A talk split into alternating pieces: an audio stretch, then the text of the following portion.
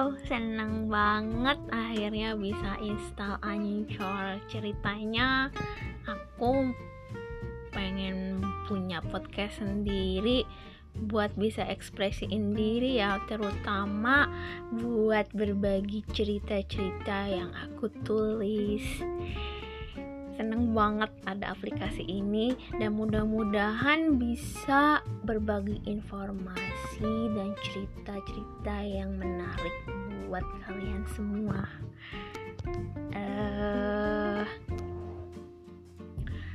uh, ceritanya nanti rencananya akan ada beberapa uh, akan ada beberapa jenis uh, rekaman podcast yang mau aku bagiin ya selain dari